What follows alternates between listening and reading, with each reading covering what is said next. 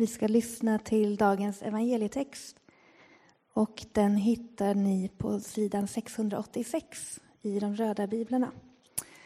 Eh, Matteus evangeliet 11, verserna 12 till 19. Sedan Johannes döparens dagar tränger himmelriket fram och somliga söker rycka till sig det med våld. Ty ända till Johannes har allt vad profeterna och lagen sagt varit förutsägelser. Ni må tro det eller inte. Han är Elia som skulle komma. Hör, du som har öron. Vad ska jag jämföra detta släkte med? De liknar barn som sitter på torget och ropar åt andra barn. Vi spelade för er, men ni ville inte dansa. Vi sjöng sorgesånger, men ni ville inte klaga. Johannes kom, och han varken äter eller dricker, och då säger man, han är besatt. Människosonen kom, och han äter och dricker, och då säger man, se vilken frossare och drinkare, en vän till tullindrivare och syndare. Men vishetens gärningar har gett visheten rätt. Så lyder det heliga evangeliet. Lovad vare du, Kristus. Att komma hit till Saron känns ju lite som att komma hem till mamma, til pappa. Eh, Lennart Tørn, Joakim Hagerius, Emil Mattsson og mange andre venner. Min sværfar og hans fru sitter her. Ingemar Gustafsson og Nina. Eh, denne kyrkan har vært med meg i mange, mange år. Og eh, det kjempefint å, å komme hit. Och också tillsammans med Matteuskyrkan, att vi tillsammans firar, firar Gud. Jag tänkte börja här. Eh, Matteuskyrkan finns ju i Majorna och precis tvärs över gatan från Matteuskyrkan så är det en jättefin park som heter Djurgårdsparken. Det är många som kallar den parken för Zenitparken, men det är fel. Heter Djurgårdsparken. Og Matteuskyrkan skulle egentlig kanskje Eh, vi hadde va valet mellom Matteuskyrkan og Djurgårdskyrkan. Det ble Matteuskyrkan. Men nå over til parken. Eh, 200 meter lenger ned så åkte båten Stena Line forbi på vei mot sin destinasjon i Fredrikshamn. Og jeg var på vei til denne parken og jag eh, stod der två år sedan och eh, tittade på en pappa. Det var höst. Löven hade börjat att falla. Lite småkallt. Och jag såg den här pappan som kom in i parken tillsammans med sin lilla dotter. Och eh, han hade precis hämtat henne från förskolan. Och Pappaen gikk og satte seg på en benk, og så sa han til sin dotter Spring i vei nå og lek. Och eh, den lille datteren med et stort smil sprang bort til klätterställningen og begynte å leke.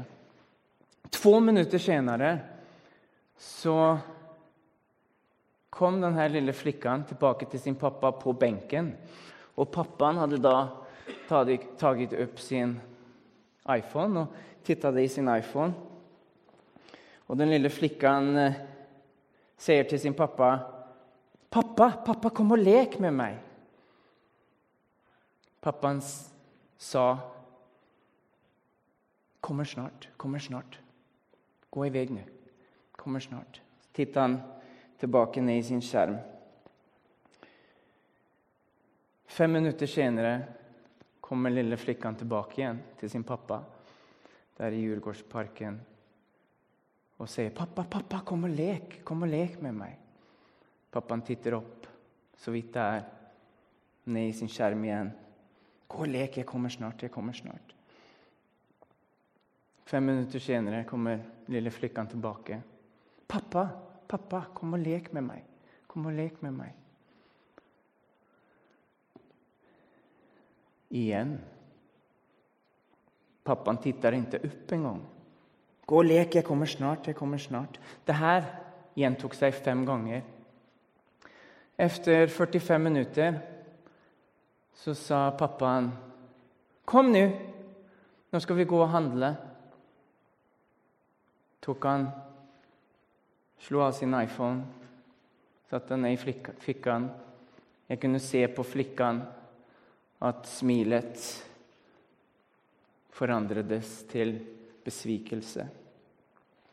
Så gikk de til sammen til affæren. Det som er litt spesielt med denne lille historien, er jo at eh, pappaen som satt på benken der, det var jo jeg. Lille flikkan var min egen datter, eh, Agnes, på tre år. Og Når jeg tenker på den lille hendelsen der, som var ganske alvorlig, egentlig, så får det meg til å tenke på et annet barn.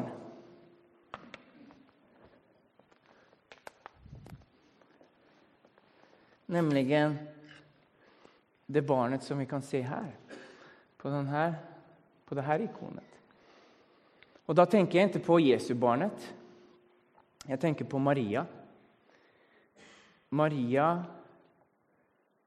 var jo et barn, tror historikerne. Hun var kanskje 13, 14, 15 år da hun fødte Jesus. Og det her barnet det møter vi nesten i dagens evangelietekst. Vi møter henne neste uke. Men jeg tenkte at jeg skulle prate litt om henne, fordi hun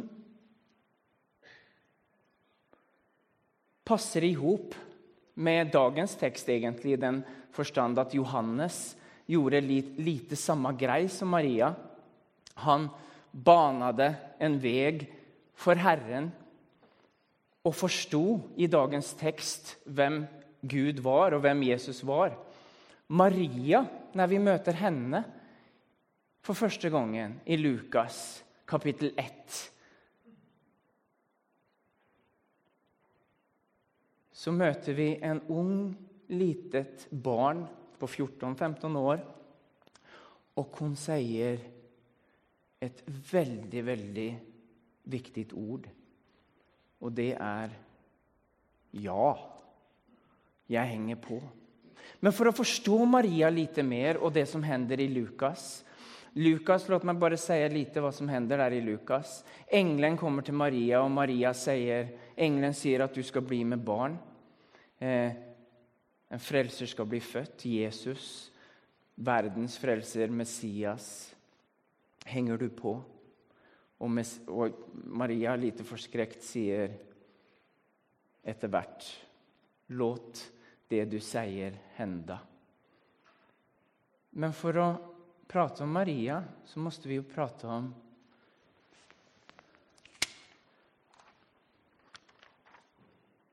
han her, keiseren. Og eh, vi kan ikke prate om Maria-barnet uten å prate om keiseren. Hvem var den første personen som vi møter i Lukas-teksten? Jo, det er en mann som heter Augustus. Keiser Augustus. Og keiser Augustus Jeg skal bare si litt om ham for å forstå Maria litt bedre. Keiser Augustus han var en av mange keisere. Han var keiseren når Jesus ble født. Han var keisere når engelen kom til Maria og sa nå skal du få føde en frelsere. Keiser Augustus han eh,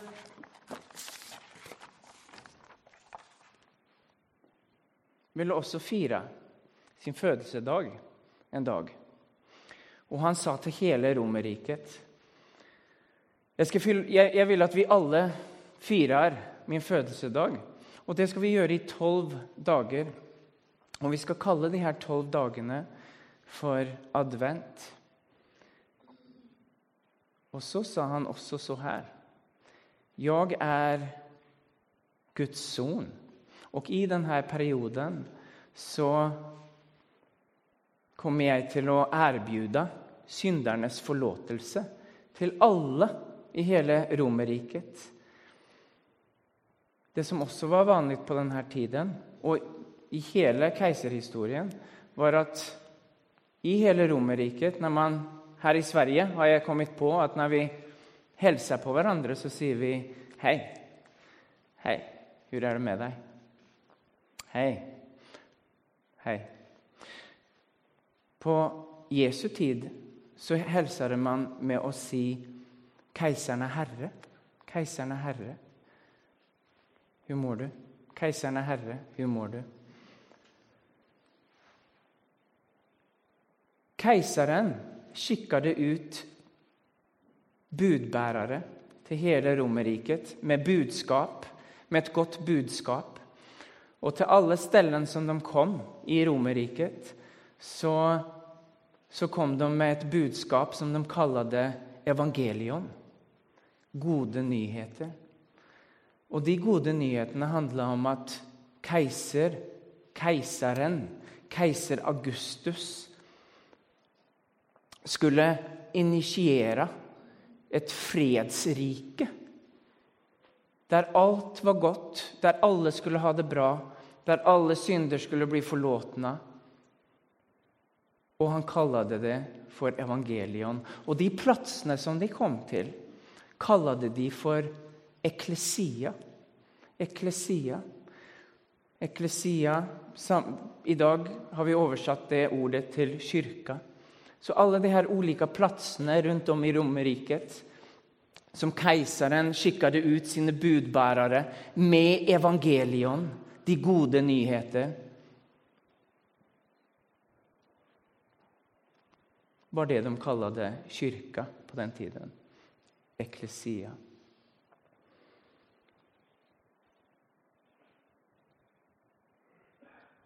Og så møter vi et lite barn Maria, 14 år, 15 år, som får et budskap fra en engel. Og så sier hun Ja, jeg henger på. Jeg tror på noe annet enn det som er. Vi får også komme ihåg at Maria levde i, et, i en verd, i et land, der hennes Gud ikke var den største. Hennes Gud forlorade alltid.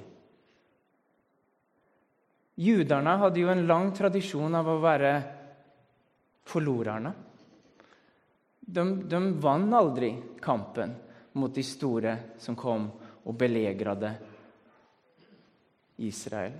De var alltid nederst.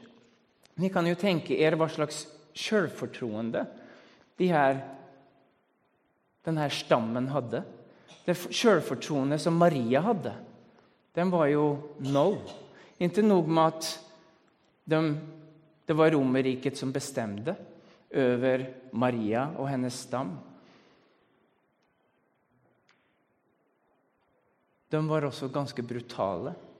På Jesu tid, når Jesus kanskje var en tenåring i en stad ikke langt fra der han vokste opp, var det en stor, stor opprør hvor 2000 mennesker ble drept eh, når Jesus var kanskje 14-15 år.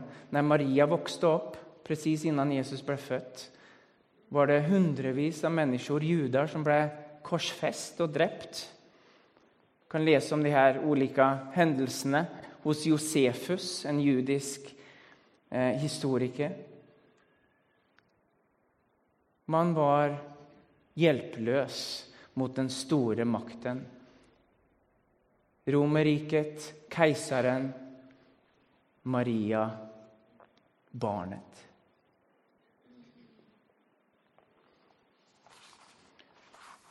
Og når jeg tenker på hvordan denne virkeligheten ser ut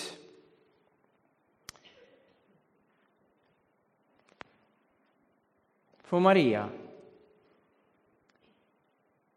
så tenker jeg så utrolig inspirerende om vi overfører denne berettelsen til vår dag, til vår tid. Så lever vi i et system som vi kanskje kjenner at vi har ingen makt over den.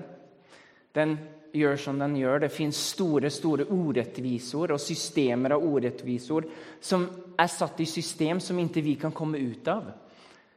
Klærne som jeg kjøper, de er sannsynligvis sydd av noen som tjener lite for lite. Maten som jeg eter, den er sannsynligvis odlet på sett som ikke er så bra for miljøet, osv. osv. Vi, vi kjenner oss kanskje med i system som er overveldende, som er utenfor vår kontroll og vår makt. Og jeg tenker at når engelen kom til Maria, så var det jo presis så det var for henne, bare mye, mye mer. Og i tillegg var hun 14 år. Og jeg tenker at det, det jaet, det er hva denne tiden på året handler om.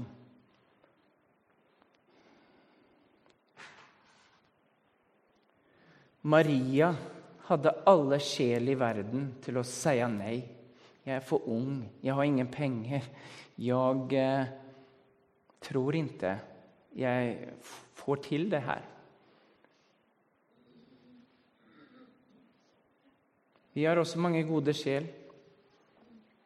Men jeg tenker Om vi ser bort ifra de mange gode sjel eller ikke gode sjel vi har til å gjøre bra saker, ikke bra saker, så tenker jeg at det fins masse ljud rundt omkring oss. Masse skjermer rundt omkring oss. Masse som gjør at vi kanskje ikke ser engelen som kommer. Som gjør at vi kanskje ikke ser når Gud sier til deg en frelsere er, skal bli født. Vil du bane vei? Vil du gjøre verden redo?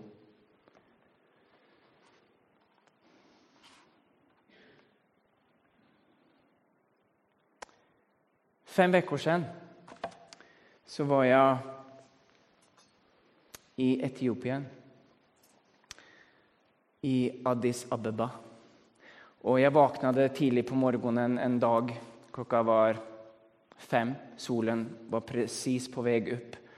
Og de her store tornene som fantes rundt i Addis Abeba, begynte å rope ut sine bønner. Har ni hørt sånne bønner noen gang? Fra moskeer, kanskje? Det som var skillnaden i Addis Abeba, det var jo at de her tornen, det var jo tornen på kirkene. Og det var, det var kristne bønner som ble ropt ut, på samme sett som i muslimske länder. Og det låt precis likt som om du har reist i, i et uh, islamsk land. Uh, oavsett så våkna jeg det ljudet, de her bønene. Jeg tok på meg klær, uh, gikk opp, satte meg i en buss og skulle opp til et lite berg som fins midt i staden, som heter Entoto. 3200 meter over havet. Og der oppe på berget fantes en, en kyrka, en ortodoks kirke. Og der, i den ortodokse kirken, så, så jeg noen barn leke. Og igjen, som jeg gjorde i Djurgårdsparken, tok jeg fram min telefon, og jeg begynte å ta kort på de her barna, som jeg da skulle legge opp på Instagram sen. Og så er det en liten mann som sitter med det her korset han sitter der på kanten, og han, eh, han sier, 'Hei, mister. Kom, kom og sett deg. Kom og sett deg.' Og jeg eh, legger ned min telefon lite sånn, så tenkte jeg kanskje skulle ta litt kort av hånda mens vi satt der. Det skulle bli litt snykt. Eh, og så sa han så her. Jeg spurte hvem er du han sa jeg er prest her i denne kirka'. Eh, har vært prest i, i 50 år. Så prata vi litt om det, og så sa han så her Mister, mister, my friend, sitt. Vi i Etiopien, vi har ingen mat. Vi har ingen penger. Men vi, vi kan leke med våre barn. Og vi, vi lysner når engelen kommer og taler til oss. Vår tro på Gud har givet oss två gåvor. Det ene gåvan, det er tiden. Og den andre gåvan, den er nærvaro i en verd som är frånvarande. Eller han sa det på engelsk. Our faith has given us two gifts. One is time, and the other is presence in a world of absence. Og jeg tok opp min telefon igjen og skrev det ned. Og derfor kan jeg si det ordagrant her i dag. Og da tenkte jeg tilbake på en pappa som satt der i Djurgårdsparken på en kald benk og ikke hadde tid til å lysne når barnet skrek 'Pappa, kom og lek med meg'. Sier vi at verdens orettvisor med utenforskap og segregering og fattigdom er for stort for oss å gjøre noe med? Sier vi at de her systemene som fins rundt omkring, at vi, vi er maktesløse? Det fins ingen hopp? Eller fortsetter vi den kristne, lange tradisjonen av Marior på 14-15 år som sier ja? Ja, vi er ikke maktesløse. Vi har Gud med oss. Gud er på vår side. Er det så mye ljud rundt omkring deg, så mange skjermer rundt omkring deg, så mange forventninger og kjensler at du kanskje kjenner deg avtrubbad og glömt. at du ikke ser At du ikke ser når herdarna og änglarna og alle däremellan kommer fram med et budskap fra Gud.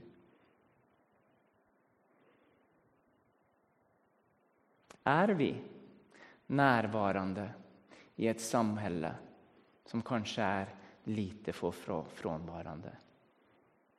Må Gud omslutte deg med sin nåd, sin frid og sin kjærlighet. Amen.